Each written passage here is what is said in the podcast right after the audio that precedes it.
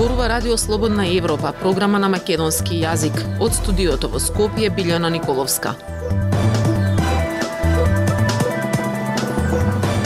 Во денешната емисија на Радио Слободна Европа ќе слушате председателот на Собранието и опозицијата со различни толкувања за гласањето за уставните измени. Две децени од Солунската декларација, колку ја исполни својата цел за интеграција на Западен Балкан во Унијата, Не достига бензин во окупираниот Крим поради оштетениот мост што го поврзува полуостровот со Русија. Независни вести и анализи за иднината на Македонија. На Радио Слободна Европа и слободнаевропа.мк. Председателот на Собранието Талат Джафери и опозицијската ВМРО ДПМН имаат различни толкувања за гласањето за уставни измени. Додека опозицијата обвинува дека Джафери ги спасува функционерските фотеи на владачката коалиција со тоа што ја прекинал седницата за уставни измени. Джафери одговара дека работел по деловникот на Собранието. Прилог на Михаило Донев. Гласањето можеше да се случи во петокот, кога беше завршен претресот и имаше обезбедено кворум за гласање. Вела денеска од ВМРО ДПМН е, откако во петокот беше прикината седницата на Собранието на Република Северна Македонија, значи дневен ред единствена точка беше промената на уставот на државата.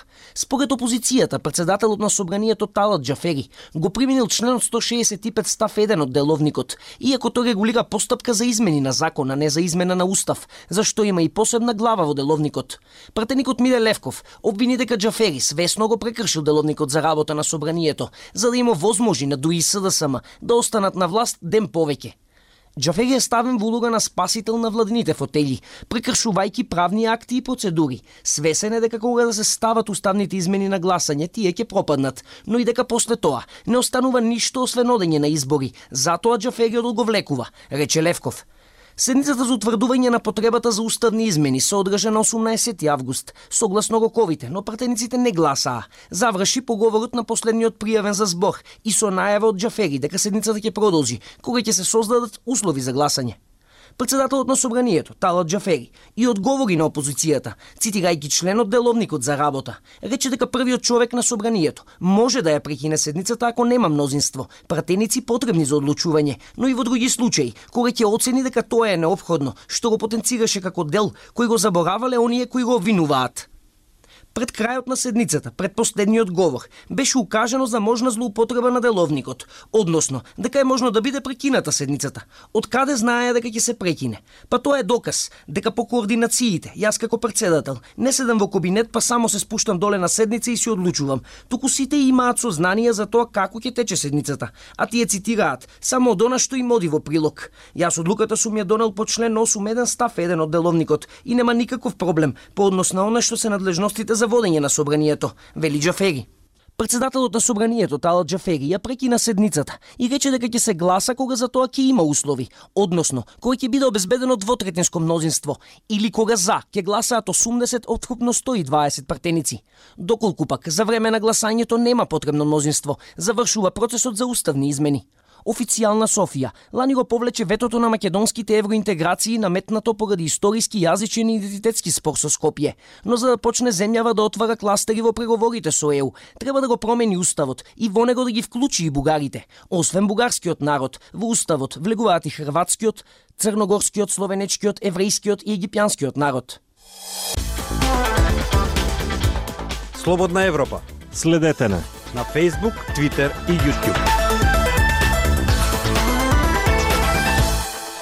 Грција пак ги собира балканските лидери во Атина на тема проширување на ЕУ, а во исто време и порачува на Албанија, патот до Европската Унија е посипан со трње. По две децени од Солунската декларација, колку ја исполни својата цел за интеграција на Западен Балкан во Унијата, прилог на Зорана Гаджовска Спасовска. Неформалната средба на дел од лидерите од Западен Балкан со председателката на Европската комисија Урсула фон дер Лајен и председателот на Европскиот совет Шарл Мишел која се одржува во Атина на покана на грчкиот премиер Кириакос Мицотакис има регионална димензија и служи за Грција да ја подсети Европската унија за својата улога во потекнувањето на проширувањето со Солунската декларација. На оваа неформална вечера присуствуваат македонскиот премиер Димитар Ховачевски, српскиот председател Александар Вучич, црногорскиот председател Јаков Милантоновиќ и косовскиот премиер Албин Курти. На средбата не присуствуваат представници на Албанија во услови кога се влошени меѓусоседските односи со Грција по приведувањето на новоизбраниот градоначалник на Химара Фреди Белери кој е со грчко етничко потекло. Албанската полиција го приведе под сомневање за подкуп на гласачи. Грчкиот министер за надворешни работи Јоргос Герапетритис во едно интервју изјави дека тој лично со како што вели Строктон му порачал на еврокомесарот за проширување Оливер Вархи дека нема шанси Албанија да проложи со процесот на пристапување кон Европската унија со такво непочитување на владењето на правото и политичките права. По овие околности, сите разбираме дека патот на Албанија кон Европската унија е посипан со трња, изјави тој. Дополнително грчката опозицијска партија Сириза во пресрет на средбата обвини дека грчката власт лицемерно се фали со европската перспектива на Западен Балкан, кога тоа беше овозможено со како што веле договорот од Преспа со кој што се реши деценискиот спор за преименување на Македонија со Северна Македонија. Поводот за средбата во Атина е одбележување на 20 годишнината од декларацијата во Солун на самитот ЕУ Западен Балкан, што во суштина имаше за цел да го отвори патот за интеграција на многу земји од областа во Европската унија. Симонида Кацарска од Институтот за европска политика смета дека еден од најголемите успеси од оваа декларација е членството на Хрватска во Европската унија и ставањето на Западен Балкан во некој колосак. Секако дека во 2003 година во таа Европска унија со тој еврооптимизам кој што постоеше, очекувањата беа поразлични дека регионот ќе се движи, ќе се движи побрзо, меѓутоа сепак таа придонесе сигурно кон економска интеграција на регионот, сигурно кон процесот на бизна либерализација, меѓутоа не ги осигура темелите на процес на проширување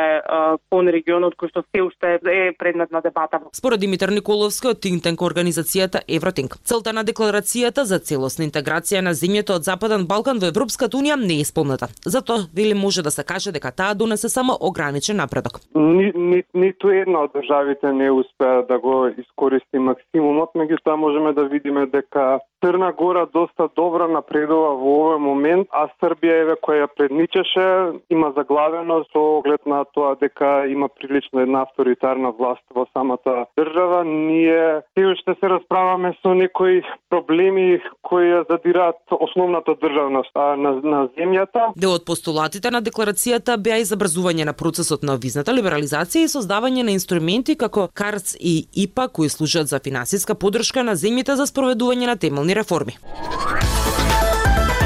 Радио Слободна Европа, светот на Македонија. Во последните години растат пријавите за семено насилство, но бројките се далеку од реалните. Оти според невладините, само 2% од жртвите се охрабруваат да пријават во полиција. Друг проблем е што 80% од оние кои пријавуваат, потоа се повлекуваат од кривично гонење. Жртвите прозборуваат само кога последиците од ќутекот ќе станат видливи. Анализа на Пелагија Стојанчова. Пет случаи на семено насилство за еден викенд. Изминатиот викенд во полиција било пријавено дека татко тепал малолетен син, син си ги тепал мајката и сестрата, сопрузи своите жени. Во петокот на 11 август, две жени пријавиле дека биле физички нападнати од нивните сопрузи. Повиците за пријавување на насилство се случуваат речиси во исто време кога во регионот, поточно во Босна и Херцеговина, во видео во живо на Инстаграм, Нермин Сулеймановиќ ја уби својата поранешна партнерка Низама Хачимовиќ. Полициската статистика покажува дека во последните години расте бројот на пријави за семено насилство. Но според невладините организации, тие не одразуваат реалната бројка на семено насилство во земјава. А, крајно се одлучуваат кога ќе настане некоја експлицитна ситуација, состојба, каде што таа е физички а, веќе очигледно а, нели, а, нападната, а, е дури тогаш и, и е загрозен животот, дури тогаш се одлучуваат значи да попараат помош. Вели Даниела Давеска, преседателка на Македонскиот центар за женски права Шилтер центар. Таа додава дека институциите не реагираат на правилен начин од секојаш постоела таа сива бројка и таа нема да се промени за жал бидејќи тие стереотипи од типот на срамота да се признае или ако е жената економски независна, значи тогаш е, има деца, тогаш е голем проблемот. Во првите 6 месеци од годинава, полицијата регистрирала 540 кривични дела на семено насилство. Најголем дел од жртвите се жени, односно 410 од нив. Регистрирани се 170 прекршоци и 2293 поплаки за семено насилство. Според полициската статистика, во периодот од 2017 до 2022 пораснал бројот на кривични дела за семено насилство, растат и прекршоците, а бројот на поплаки речи се се дуплирал. Секојдневно имаме работа. Секојдневно има насилство и наместо да се намалуваат пријавите, тие се зголемуваат се повеќе и повеќе. Вели за Радио Слободна Европа полициски инспектор за семено насилство. Жртвата или потенцијалната жртва може да пријави преку телефон директно во станица или пак преку некоја невладена организација која се занимава со овие прашања. По пријавата први на сцена стапуваат униформираните полицајци. Тие треба да ја сослушаат жртвата и да ја придружуваат до лекар доколку дошло до физичко насилство. Но на жртвата останува одлуката дали понатаму ќе сака кривично да се гони насилникот. Но 80% од оние кои пријавуваат, потоа се повлекуваат вели инспекторот. Полициската работа завршува со формирање на кривишна пријава. Пота на ред е обвинителството. Но има и повторувачи на делото, па во тие случаи полицајците имаат подврзани раце, односно тогаш може да побараат сторителот да биде изведен пред суд по брза постапка. Невладините кои се занимаваат со оваа проблематика велат дека само 2% од жените во Македонија кои претрпеле насилство од партнерот го пријавиле во полиција. Актуелности свет на Радио Слободна Европа. Крим се соочува со недостиг на бензин откако Украина минатиот месец го бомбардира единствениот мост што го поврзува полуостровот под руска контрола со Русија. На бензинските пумпи на Крим често снебува нафтени деривати во текот на месецот, сведочат жителите. Деталите од Петар Клинчарски. Еден од водечките снабдувачи со бензин на Крим минатата недела им испрати на клиентите СМС порака во која ги повикуваше да се воздржат поради загриженоста за недостиг, велат жителите. Русија, еден од најголемите светски производители на нафтени деривати, го снабдува полуостровот со бензин и други нафтени продукти преку железницата преку мостот на Крим вреден 4 милиарди долари, отворен во 2018 година. Вооружените сили на Украина на 17 јули го погодија мостот по втор пат, откако Русија ја започна целосната инвазија минатата година. Нападот ја принуди Русија да ја запре испораката на нафтени производи по железница. Мостот стана клучна украинска цел, додека се обидува да ги протера руските сили од нејзина територија, вклучувајќи го и Крим. Русија го анектира Крим во 2014 година. Нафтените деривати сега се испорачуваат преку бавен ферибот, што може да се одвива само преку ден. Локалните жители преку социјалните мрежи се жалат на недостиг на бензин.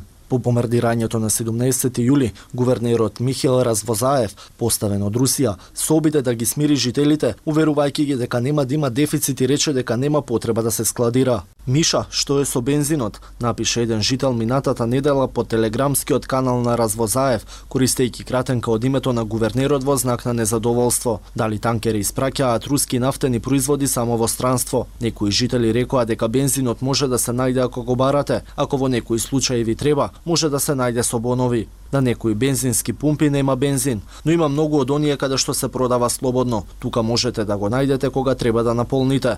Наполнив полн резервоар и возам само кога имам важна работа, изјави еден жител за РСЕ. Има бензин, но ти треба картица, односно бонови. Кога го слушам ова, чувствувам дека зачекоривме 35 години во минатото кога можеше да се набави колбас само со бонови, напиша Надежда Гологанова. Украина се обиде да го направи животот на Крим неодражлив за Русија во обид да ја врати контролата врз полуостровот. Со добивањето на ново западно оружје и развојот на домашните, вклучително и беспилотни летала, таа напредуваше со таа цел. Киев го засили таргетирањето на Крим во последните месеци исто така, се обидува да го пресече копнениот мост од Русија до Крим преку регионот Донеск со својата најнова контраофанзива. Украина неодамна нападна два моста што го поврзуваат Крим со украинската територија под руска контрола. Украинските воени представници велат дека ситуацијата со снабдувањето за жителите само ќе се влоши бидејќи Русија ќе треба да ја даде приоритет на испораките на својата војска на Крим. Олександар Хмелевски, независен експерт, за РСЕ изјави дека тоа може да доведе до социјални немири, што ќе изврши притисок врз Москва. Доколку економската ситуација значително се влоши, поддршката за војната од населението значително ќе се намали. Колку подалеку се оди, толку потешко ќе биде да му се објасни на населението за што се бори Русија, за што се бара оваа војна, рече тој. Ја слушавте емисијата на Радио Слободна Европа, програма на македонски јазик. Од студиото во Скопје со вас беа Билјана Николовска и продуцентот Дејан Балаловски.